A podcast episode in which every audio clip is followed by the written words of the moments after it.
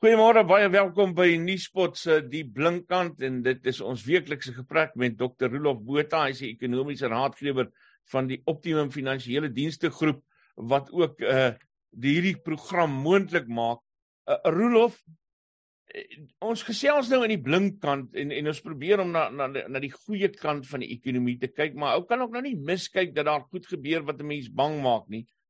Nou, ehm um, luister ek na 'n jong man wat 'n klomp geld by sy pa geërf het nadat die afgesterf het en ehm um, die sy raadgewer, sy finansiële raadgewer by die bank toe nou vir hom beduie het, luister jy, hier kom 'n groot wêreldresessie.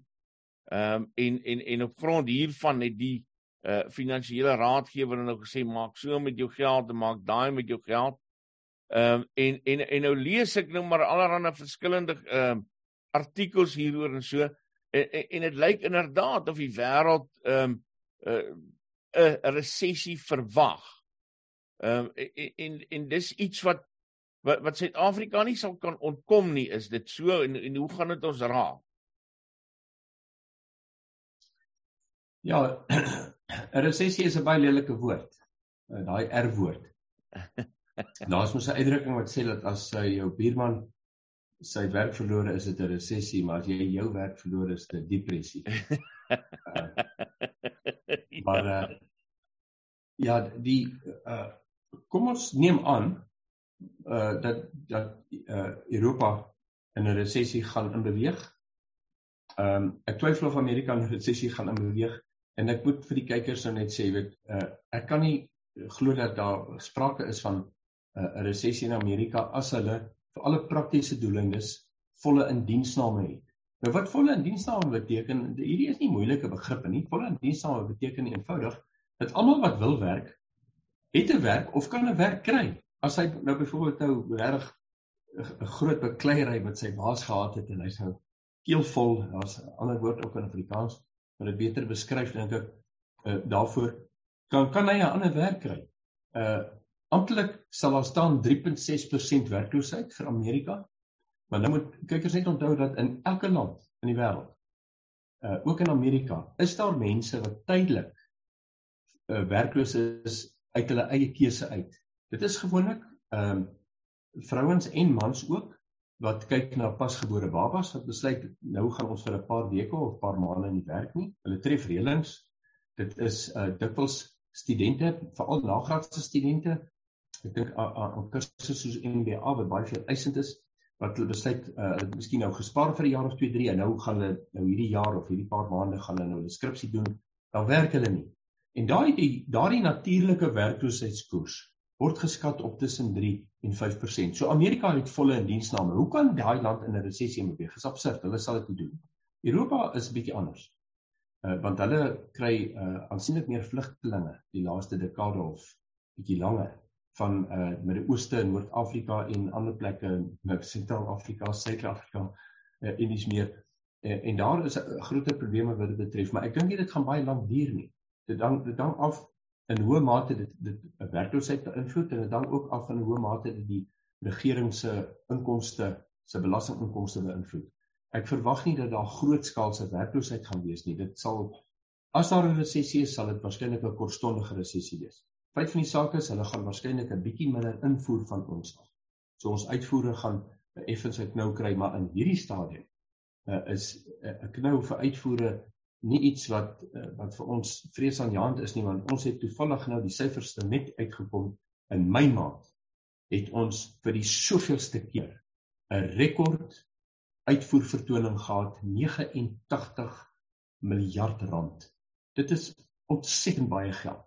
Dit is uh omtrent so 'n uh, 3 kwart van ons totale jaarlikse landbouproduksie. Dit is ons uitvoere net van metale en minerale. Net van metale en minerale in 1 maand. So Suid-Afrika se makro-ekonomie ten spyte van al hierdie probleme en ons voel dit aan ons sak met die petrolprys, ehm uh, is nie naaste by so erg ons probleme soos die res van die wêreld. Ek wil nou net 'n bietjie daaroor gesels. Uh maar ek wil gou-gou van hier af gaan en so 'n bietjie by die rand gaan stil staan waaroor ons verlede week al gesels het ook uh en die vraag gevra het wat die kanse is dat ons by R20 uh vir 'n dollar kan uitkom. Uh nou die afgelope Sondag se rapport uh, berig toe nou ook uh, dat die rand kreun onder Amerika se inflasie en uh, China se inperkings. Ehm um, en uh dat dat uh, uh tesame met dit ons vandag 'n uh, 'n aankondiging kan verwag van 7% uh rentekoers. Ehm um, kom ons gesels 'n bietjie uh oor oor oor daai druk. Ja, die uh die wisselkoers is is 'n tamaletjie op die oomblik want niemand het dit sien kom nie. Uh werklik daar's geen model in die wêreld. Ek hou nou baie ekonome en ek ekonometrisie uh so so vooruitskattinge en voorspellings en uh en hulle gebruik maar modelle daarvoor hou ek op 'n omtrent op 'n daaglikse by basis dop en niemand het dit sien kom nie. Daar was een van die die top ontleeders by 'n groot bank in Suid-Afrika ehm um, het uh, enkele weke gelede nog gekyk na 'n uh, uh, rand dollar wisselkoers van hier by 'n 14 en my eie model het het ook uh jy weet hierso geneig na uh 15 miskien tussen 15 en 1550. Maar en en wat almal omkant afhang het natuurlik is die roebel. Die roebel was die laaste klompie maande ongelooflik sterk, maar daai rede daarvoor is natuurlik is dat Rusland voer omtrent niks in op die oomblik nie. En hy kry nog geld vir sy olie in in uh en gas. Uh die olie natuurlik teen 'n afslag. China, Afrika lande en natuurlik China en Indië. Hulle hulle beding nou lekker pryse met die Russe Maar wanneer daardie land wanneer die oorlog beëindig word en ons kan maar net openbid is vinnig. Maar dit het 'n groot rol gespeel in die moeilikheid wat nou in die wêreld bestaan. Dan gaan die prys van olie soos 'n klip val. Intussen moet die kykers net onthou dat wanneer die wisselkoers ehm um, verswak, dan kry jy meer rande vir elke dollar of euro se uitvoere. So dit is uh, baie goed vir ons uitvoerbedrywe. Ek glo daar is selfs van ons landbouers uh veral in die sitrusbedryf en in 'n paar ander bedrywe wat nou uh wat glad nie omgee vir die swakker wisselkoers nie. Die negatiewe kant natuurlik is invoere raak duurder. Uh in randterme, nie in buitelandse valuta terme noodwendig nie. En dit beteken dit gaan moeiliker wees vir die Reserwebank om inflasie op te slaan. Wat die Reserwebank en die rentekoerse betref, jy weet, wanneer jy 'n uh, uh, instrument wat so stomp instrument in Engels sê hulle 'n blunt instrument soos rentekoerse wil gebruik om inflasie hok te slaan, dan moet jy weet wat is die oorsaak van inflasie.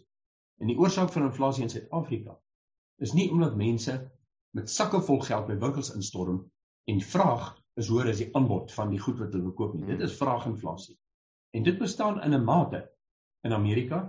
Ehm um, maar ons het net koste druk inflasie. Dit is die hoër oliepryse, die hoër brandstofpryse, uh en en die aanbodkant ontwrigting wat plaasgevind het internasionaal het beteken dat daar's baie van ons uh klein en groothandelaars en van ons fabriekswese se mense wat in plaas van om relatief goedkoper produkte dikwels van minderwaardige gehalte van China af in te voer in ander lande uh het hulle nou gaan kyk na die Suid-Afrikaanse mark want ons vervaardigingssektor in Suid-Afrika is baie gesofistikeerd.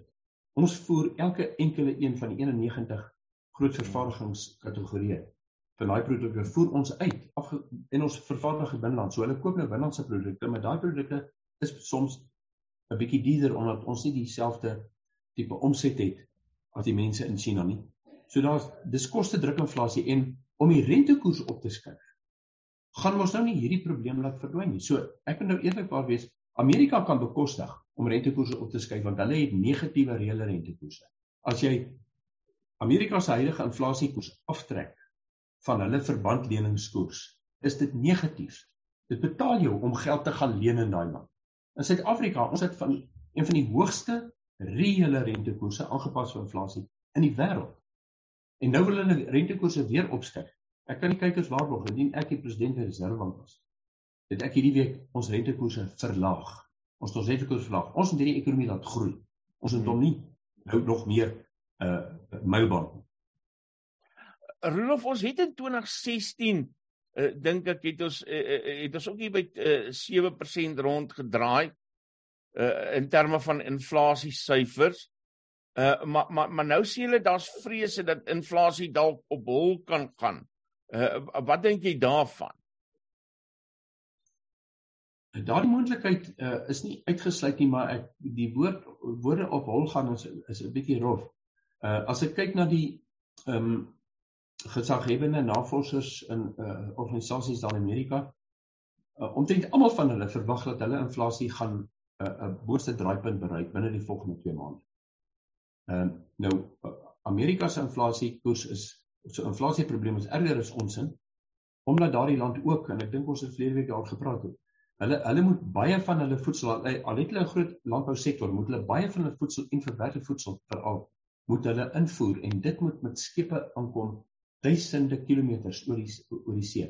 En daardie skeepsvragtariewe het met 1000 amper 1000% gestyg tussen 2019 en verlede jaar. Uh omdat ons so 'n 'n 'n stewige landbousektor het en en ook 'n verwerkte voedselbedryf wat albei van hulle reuse uitvoerders is.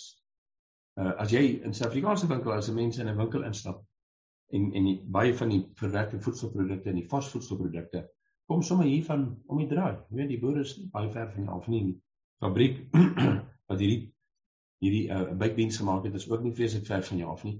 Uh en en daardie koste element want vervoerkoste tradisioneel uh gemiddeld oor alle produkte internasionaal verdubbel die prys van 'n produk vandat die die koste bereken is wanneer wanneer hy geproduseer word.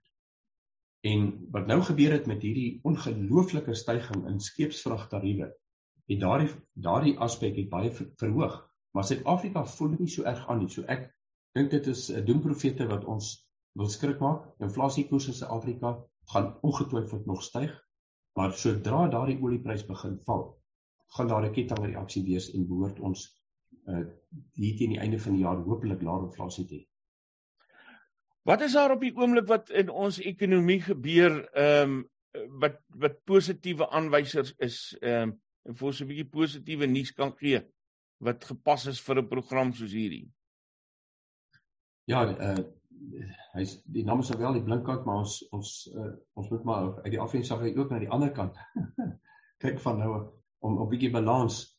Dis dis uh die blinkkant met met 'n gebalanseerde benadering mense so 'n stukkie bylas.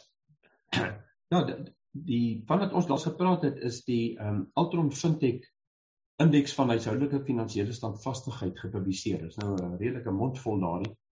En die indeks bestaan uit 20 verskillende aanwysers en dit sluit aspekte in soos die verhouding van huishoudings se skuld inkomste tot hulle skuld, hulle ehm um, skuld uh uh, uh las uh, teenoor hulle inkomste besteedbare inkomste, sala, totale salaris in die private openbare sektore en die uh, hy daardie indeks het min of meer dieselfde gebly op 'n jaar op jaar basis. Het 'n bietjie gesak van die 4de kwartaal af, maar die rede daarvoor natuurlik is dat daai salaris salarisse het 'n bietjie gesak want in die 4 in Desember kry baie Suid-Afrikaners bonusse. Uh hulle kry hulle 13de checks en iets meer en hulle gee ook geld uit aan die besighede uh totale verbruiksbesteding is ook een van die aanwysers in die indeks.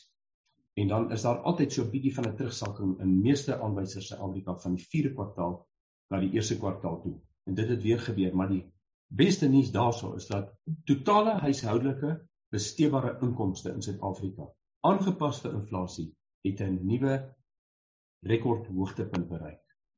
Uh en en en as mens kyk na die grafiekie Mens sien hy hy, hy styg daarom so redelik mooi en toe kom Covid en toe val hy soos 'n klip. Lyk asof hy by 'n afgrond afgestort het. En toe het hy redelik vinnig begin begin begin en hy het nou uiteindelik in die eerste kwartaal van hierdie jaar het hy weer sy rekordhoogtepunt bereik. Net soos groothandelverkope ook. So daar is oral in die makro-ekonomie is daar aanwysers, belangrike aanwysers, kernaanwysers. Ek bedoel groothandelverkope loop teen 'n um, 'n 3 kwart van 'n triljoen rand per kwartaal. Dis amper 'n kwart hier by 'n kwart triljoen rand per maand ons groothandelverkope in hierdie land en hy hou net aan styg. So ten spyte van al hierdie probleme is daar beslis grondliggende uh finansiële stabiliteit. Ek sien ons is nou ook die tweede beste in die wêreld uh is ons rangorde vir die uh die wat hulle noem in Engels die transparency uh, of public finance met ander woorde ons staatsfinansies ons staatsfinansies is uh op opsigtelik 'n mens uh, daar's nie goed wat weggesteek word daarin nie ons het miskien hier en daar probleme, maar ons lieg nie daaroor nie. Soos baie lande met hulle staatsfinansies nie. Hmm. Dis mooi gesê. Dr. Rolof Botha, ekonomiese raadgewer by die Optimum Finansiële Dienste Groep. Baie dankie vir jou tyd. Dis lekker om met jou te gesels. Ek praat volgende Woensdag weer met jou. Dankie Isak en ek hoop jy uit die kykers het gekyk uh, na die eerste eendagwedstryd tussen Suid-Afrika en Engeland. Uh, gister, dit is daarom altyd so lekker om daai klomp Britte te wen en ons da, het hulle goed op Rassie van der Dussen goed gedoen. Dankie julle. Daai was nou goeie nuus, né? Nee? Yes. Dankie Rolof, goed gaan met jou. Mooi bly.